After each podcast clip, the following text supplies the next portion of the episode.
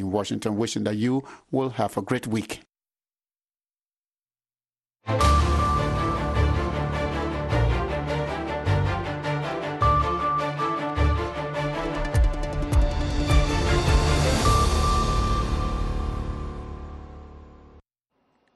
subax wanaagsan dhegaystayaal kuna soo dhowaada idaacadda laanta af soomaaliga ee v u a oo idinka imanaysa washington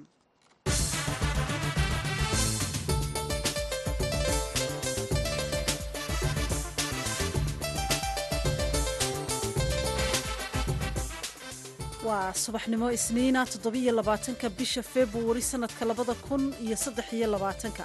Waxaad naga dhagaysanaysaan mawjadaha gaagaaban hirarka efemyada geeska afrika iyo caalamkao dhan oo aad nagala socotaan bogga internetka v o somaali com. Afrikada bari saacaddu waa lixdii iyo barhkii subaxnimo. Idaacaddana waxaa idinla socodsiinaya anigoo ah sahre ciidla nuur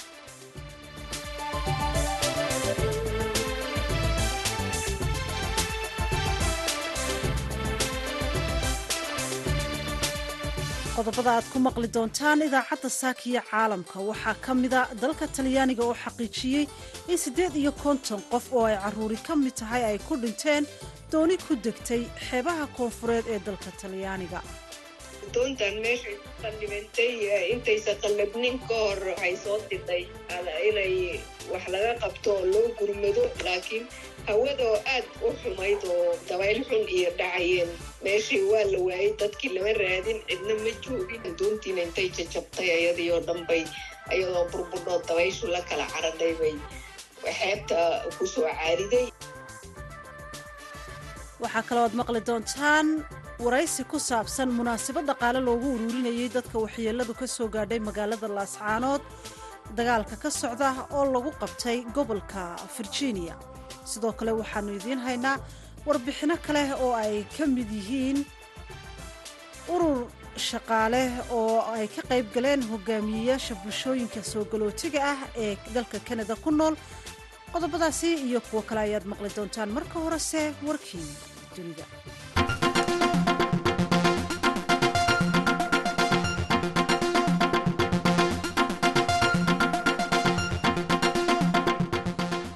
dadaadu badan oo u dhashay waddanka ruushka ayaa lagu soo warramayaa inay ka qaxeen magaalooyinkoodii kuwaasi oo u gudbay dhinaca dalka tailan halkaasi oo ay nolol cusub ka bilaabayaan. Dadkan ka tegay saameynta ay dagaalkaasi sana jirsaday uu ku yeeshay magaalooyinkii ay degganaayeen ayaa haatan u jihaystay waddamada ku yaalla koonfurta qaaradda asia boqolaal qof oo ruusha ayaa awal horeba dalxiis ahaan u tegi jiray waddanka tailan halkaasi oo ay ku tilmaamayeen inay tahay janno loo dalxiis tago. Waxaanay haatan uga soo qaxeen si ay uga fogaadaan dagaalka sannadkii labaad fooda geliyey ee ruushka iyo ukrain dowladda waddanka tailan ayaa albaabada u furtay bishii oktoobar ee sanadkiina dhaafay in dadka ruushka ahi ay si fudud u soo geli karaan waddankooda iyagoo ku soo gelaya qaabka fiisaha dalxiiska oo kale. Raashinka iyo maceeshadaha kale ee daruuriga ah ayaa lagu soo warramayaa inay aada ugu yaraadeen gudaha waddanka north korea sannadihii ugu dambeeyey. Dadweynaha ku dhaqan waddanka kuuriyada waqooyi ayaa haatan isweydiinaya waxyaabaha ay xukuumaddoodu waxba uga qaban la'dahay siyaasadda beeraha iyo wax soo saarka xilli ay aada ugu baahan yihiin raashinka warar aan la xaqiijin ayaa sheegaya in tiro dad ahi ay halkaasi gaajo ugu dhinteen.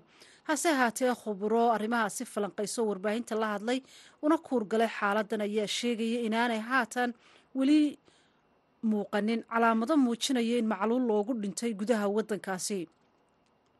Xaaladda cunto yaraanta ayaa wadamo badan oo caalamkaa soo food saartay tan iyo markii dunida ku faafay xanuunkii covid sagaal iyo toban iyo dagaalka ruushka uu ku qaaday waddanka ukrain intaasna dhegeystayaal waxaa ku eg warkii dunida.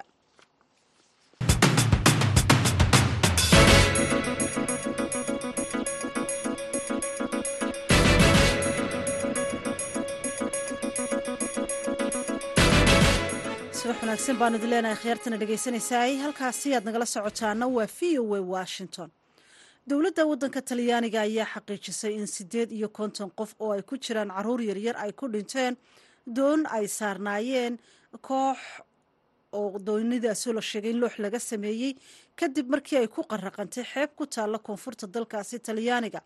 Warbixin ku saabsan amuurtan waxaa magaalada london ka soo diray wariyaha v o a qaaradda yurub cabdixaafid cawil ismaaciil doontan ayaa ka soo shiraacatay turkiya i dhown caalamaal ka hor waxaana la socday muhaajiriin asal ahaan ka jeeda waddamada afghanistan iiraan iyo dalal kale oo ay soomaaliya ku jirto.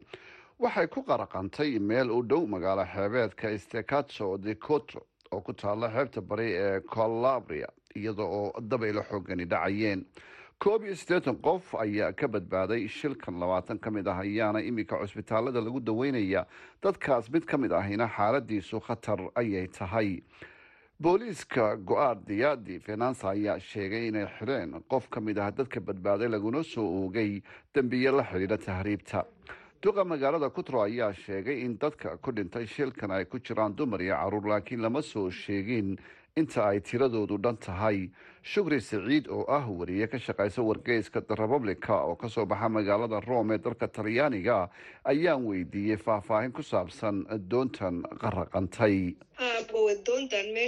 Qallibantay intaysa qallabnin ka hor xalaybay waxay soo tidhay.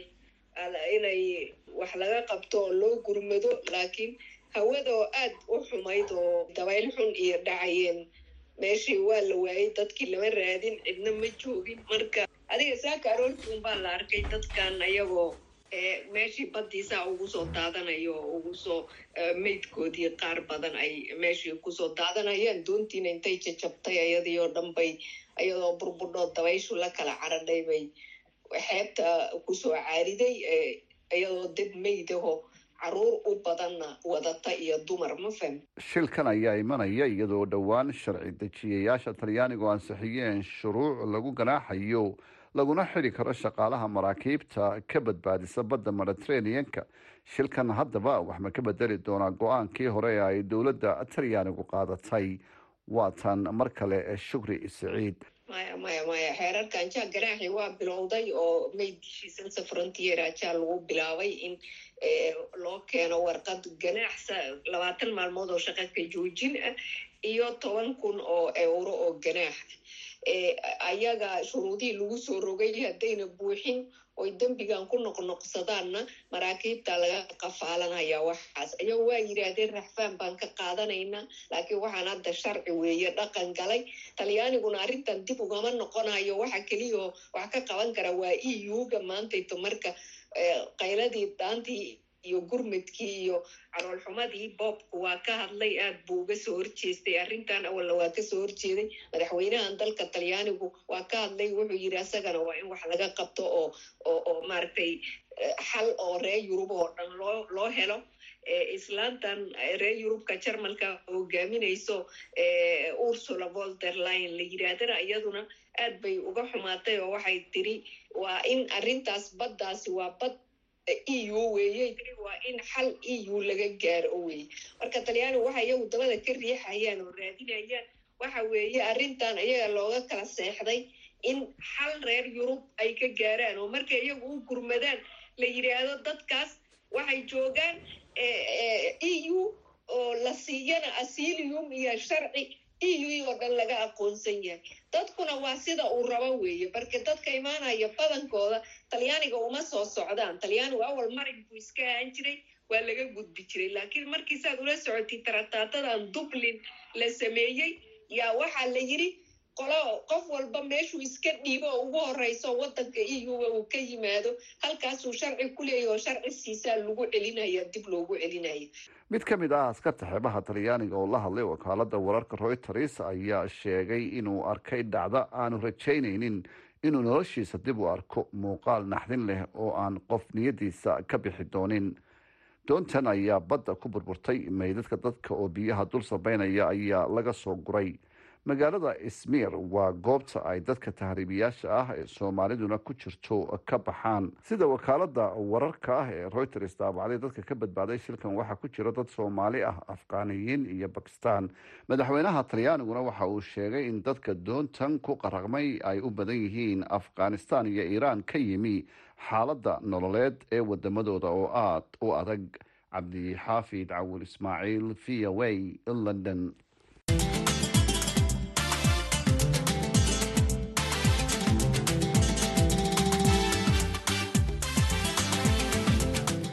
subax wanaagsan dhegeystayaal v o a washington ayaad nagala socotaan.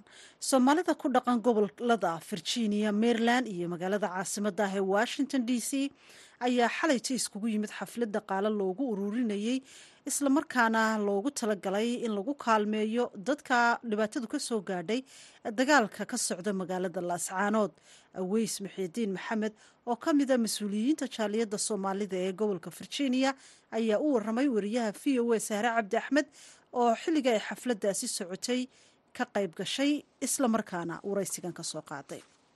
Aweys muxudiin maxamed caa waxaad ka mid taha dadka xafladan dhaqaalaha loogu ururinayo magaalada laascaanood jooga bal ugu horeyntii waxaad iiga warantaa inkastoo ilaa ay haatan xafladda ee socota haddana ujeeddada halkan aa u timaadeen maxay tahay? Horta jaaliyadda waxaan ka mid ahay aniga northern virginia oo washington area xafladan caawa aan samaynana waxay tahay fundraising loogu sameynayo dhibaatada ka dhacday laascanood iyo agagaarkeeda. Marka yaa ka soo qayb galay? Waxaa aad iyo aad marti sharaf badan ayaa ka soo qayb galeen. Oo ka mid ah wasiiro hore safiiro hore takhaatiir aya nooc oo communitiga dadka degan way ka soo qayb galeen. Waayahay dadka tiradooda intee lagu qiyaasi karaa? Wallaahi waxaan ku sheegayaa tiradooda maanta around the four hundred people plus weeyaan shan boqol ku dhowaad gaarayaan. Waayahay ujeeddada maxay tahay marka halkan aada isugu timaadeen? Ujeeddada waxay tahay annaga haddaan nahay soomaali communitiga oo virginia area. Waa inaan support garaynaa walaalahayna maalbeeleen hantidooda ilmahooda dhibaato badanna ay soo gaartay. Waa tahay marka dhaqaale ayaad guraysaan? Yes dhaqaale ayaan guraynaa waxaan also ku talagelaynaa inaan caafimaad iyo daawooyin kale iyo waxyaalaha kale la mid ah along the way inaan la samayno. Dad aad u fara badan ayaa sida aad sheegtay hoolkan jooga caawo oo isugu yimid oo soomaali kala gedisan meelo kala duwanna ka yimaadeen ha ugu badnaadaan gobolkan. Dhaqaalahaas la aruurinayo waxa lagu qabanaya maxay tahay? Dhaqaalahaas waxa waaye in maaragtay dadkii ay meel cid la jiifaan tendooyin daawooyin wax walbaa loo baahan yahay. Naagihii wax dhaleen bannaankay ku dhalaayaan. Caruurtii xanuunsan iskool ma jiro biyihii ma jiraan wixii o dhan in lagu talagalay waay. Waayahay. Dadkana dhegaysanaya haatan haddii qaybo ka mida ay u fakeraan amaba ay u qaataan in dagaalka qayb ahaan aad qayb ka tihiin oo dhaqaale u guraysaan ka sokow in dad saad hadda ii sheegtay aad caawinaysaan haween iyo caruura maxaad ku oran lahaydeen dadka laga yaaba inay saas u fakeri karaan? Annaga waxaan le way khaldan yihiin. Waxaa dhaqaalo loo aruurinayo lacag soomaaliya dhiig soomaaliya lagu baabinayo ma u aruurinayno waa in lacagta iyo hantida aan urinayno waxay ka mid tahay in lagu caawino soomaalida dhibaataysan. Maahine wax oo dagaalaan we are not supporting dagaala dagaal raalli kama nihi. Waxaan waa caawinaad ah lagu talagalaya dadka dhibaataysan laascanood iyo agagaarkeeda waayahay dowladda federaalka soomaaliya waxaan maqlayay in dadka mas'uuliyiinta hadlay oo uu ka mid yahay in aadan cadda wasiirkii hore gaashaandhigga ay dowladda fariimo u dirayeen soomaaliya. Maxay tahay dowladda federaalka ee soomaaliya? Fariintaad caawa u diraysaa. Anigu aweys ahaan oo soomaali ah oo communitiga virginia maamulo waxaan u diraya fariin federal governmentiga fadhiga ka kaca. Soomaali baa ku baaba'san meesha mister xasan sheekh presidenta xasan sheekh waajib baa ku saaran.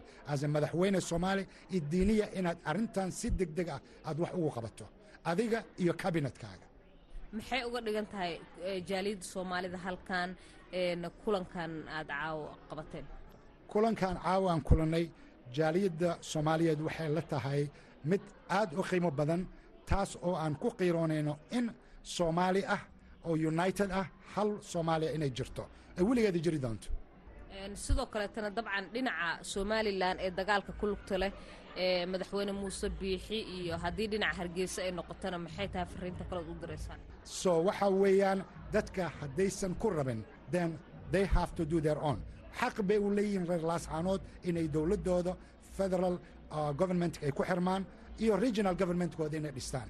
Xoog ma jirto waxa waaye kam shufna maraakiib macad allaahuri dhinaca nabadda markaad ka fiirisana maxay yihiin fariintaad u diraysaan somalilan somalilan ay nabad ah waa okay in la fadhiisto.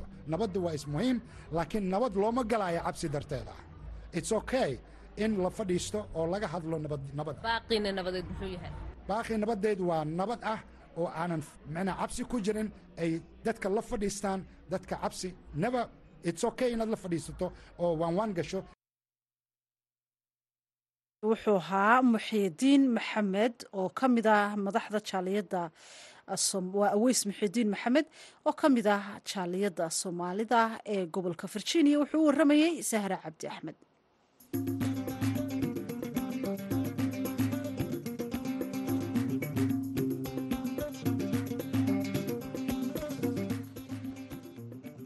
Haatana canada shir saddex maalmood socda oo ay ka qayb galeen hogaamiyeyaasha bulshada magaalooyinka ku yaalla gobolka ontario ee dalka canada oo kuwa soomaaliduna ay ka mid ahaayeen ayaa galabnimadii axaddii lagu soo gabagabeeyey magaalada toronto ee dalka canada. Shirkan waxaa soo qabanqaabiyey ururka walkers action center oo ah urur u dooda xuquuqda dadka shaqaalaha ah ee gobolkaasi ontario kuwaasi oo hoos ay tagaan in ka badan hal milyan iyo bar qof oo shaqaale ah haddaba wariyaha v o a ee dalka canada xuseen nuur xaaji ayaa arrimahan ka wareystay abukaati cabdilaahi barre wuul oo ka mid ah madaxda ururkaasi soo qabanqaabiyey. Shirkaasi saddexda maalmood socday ugu horeyna waxauu weydiiyey waxa uu ku saabsanaa shirkaasi iyo cidda ka soo qayb gashay iyo ujeeddada laga lahaa.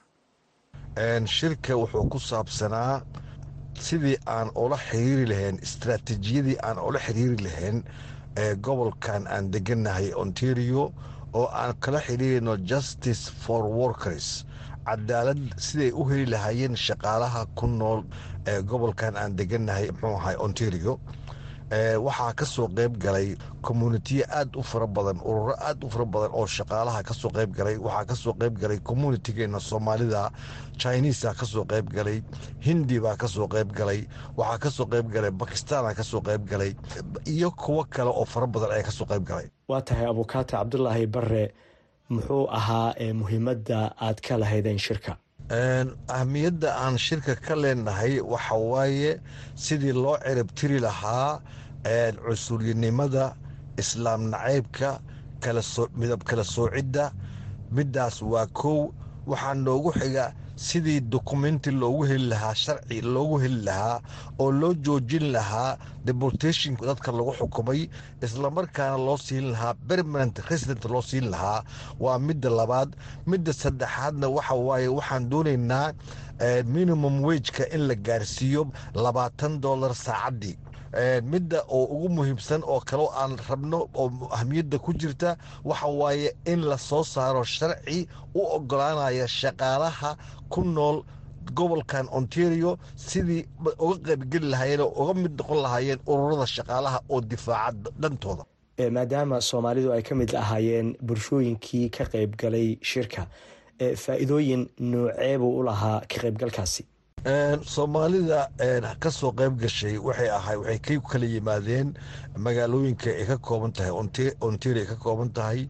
Marka waxa waaye ujeeddadeennana waxa waaye waxaan ku midownay sidii aan u xallin lahayn dhibaatooyinkana haysta islamarkaana aan ugu dadaali lahayn sidii mataqaanaa aan si wada jirah mataqaanaa aan wax uga qaban lahayn common interestkeenna waxaa naga dhexeeya iyo in aan awooddeenna siyaasadeed aan miiska soo saarno aan tusno casaabta mataqaanaa ka jira gobolkan ontario gaar ahaan muxuu ahay qolada hadda xukunta inaan awooddeena siyaasadeed aan tusno haddaan soomaali nahay islamarkaana siyaasiyiin badan aan soo saarno.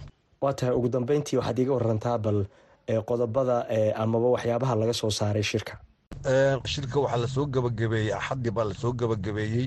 Marka waxaa ka soo baxay in aan isku duubnaano oo communitiyada imigrantiga ah ay xiriir yeeshaan oo mataqaanaa aad u adag si wada jir ahna loogu dagaalamo qodobada aan soo sheegay oo ah kaambeynkeenna ugu horeyso baabi'inta iyo ciribtirka cunsuriyadda midab kala sooca islaam nacaybka iyo in yacni mataqaanaa muxuu ahay qof kasta oo aan sharci haysanoo undocumented ah permanent resident la siiyo. Wixii hadda ka bilowda waxaan u dagaalamaynaa arrintaas annagoo isku duuban oo xiriir la samaynayna communitiyada kale kaasi wuxuu ahaa abukaate cabdilaahi bare wuul oo ka mida madaxda ururka shaqaalaha u dooda ee dalka kanada gaar ahaana gobolka ontario.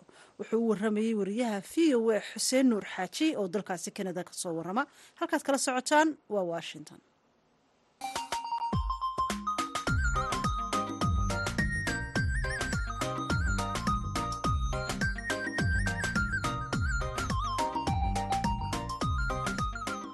bandhiga v o a. Barnaamijka bandhiga v o a waa barnaamij oo idinku tala gashay laanta af soomaaliga ee v o a. Bandhigga v o a waxaad khamiis walba kaga bogan kartaa qormooyin kala duwan oo la xidhiidha taariikhda iyo aqoonta guud dhaqaalaha sharciga iyo samafalka.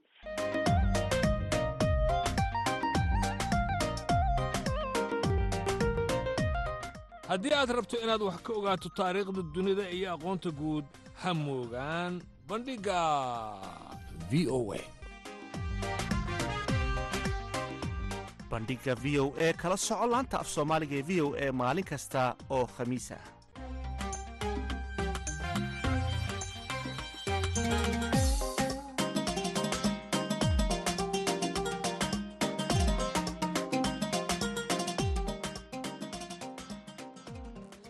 haatana wararkii ugu dambeeyey dhinaca ciyaaraha. Waxaa inoo haya wariyaha v o a gobolka minnesota maxamuud mascade.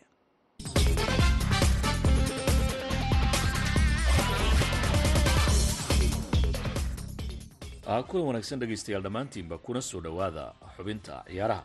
Aan ku bilaabay waddanka ingiriiska kooxda kubadda cagta ee manchester united ay habeenkii xalaya. Waxa ay ku guulaysatay koobka e f l kaabka oo ay laba gool iyo waxba kaga adkaatay kooxda kubadda cagta ee newcastle united.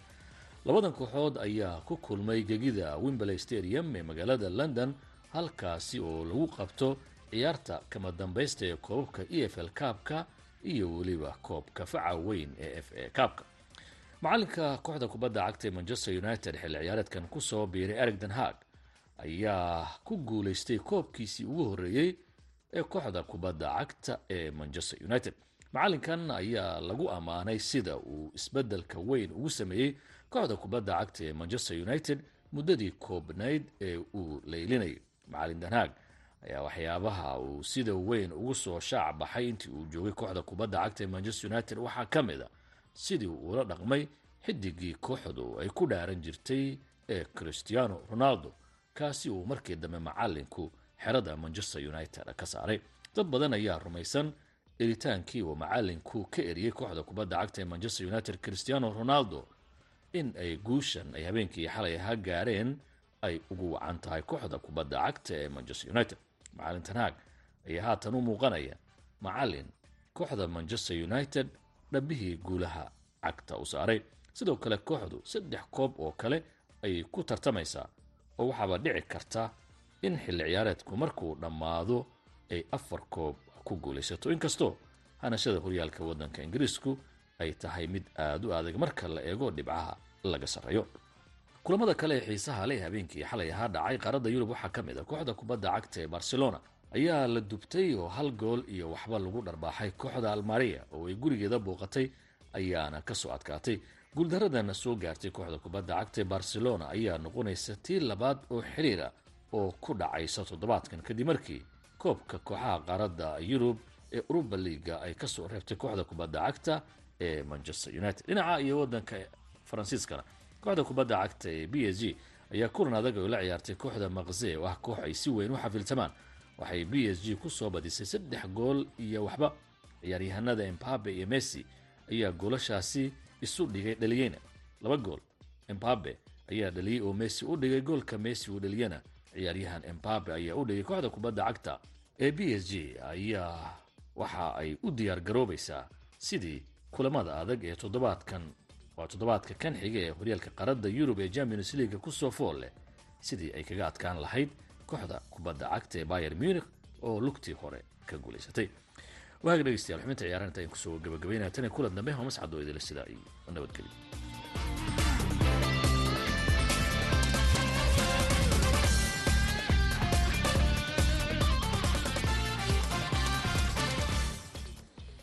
aad buu mahadsan yahay maxamuud mascade oo nala socodsiinayey xubintaasi ciyaaraha. Halkaad naga dhagaysanaysaan waa v o a washington oo aad caalamkao dhan kala socotaan bogga internetka ee v o a somaly com. Afrikada bari dadka ku noolina waxay mar kasta naga heli karaan hirarka f m yada oo ku yaalla magaalooyin badan oo ka mida geeska afrika waxaa haatan idinku soo maqan mid ka mida heesaha dabacsan ee aanu idinku talagalnay. Aanu baaqa nuur xasan nuur oo farsamada inoo jooga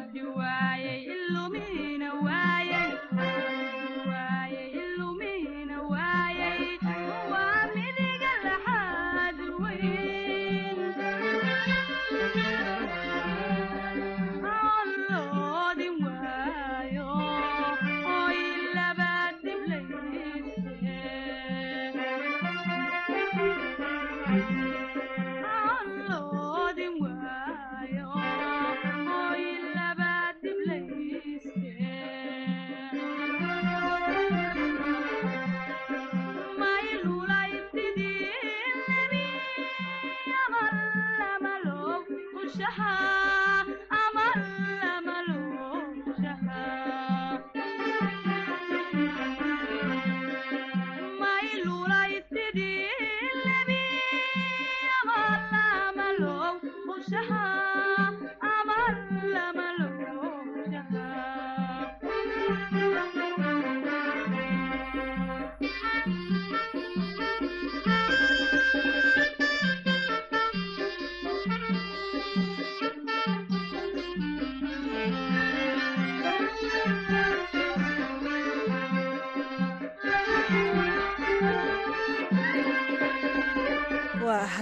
dhegaystayaal heestaasi ay qaadaysay fanaanadda maryan mursal ciise bootaan. Ayaanu ku soo gabagabaynaynaa idaacaddeenni subaxnimo. Intaynu mar kale hawada ku kulmayno. Waa sahre cidla nuur iyo nuur xasan nuur oo idinla sidaa iyo nabadgelyo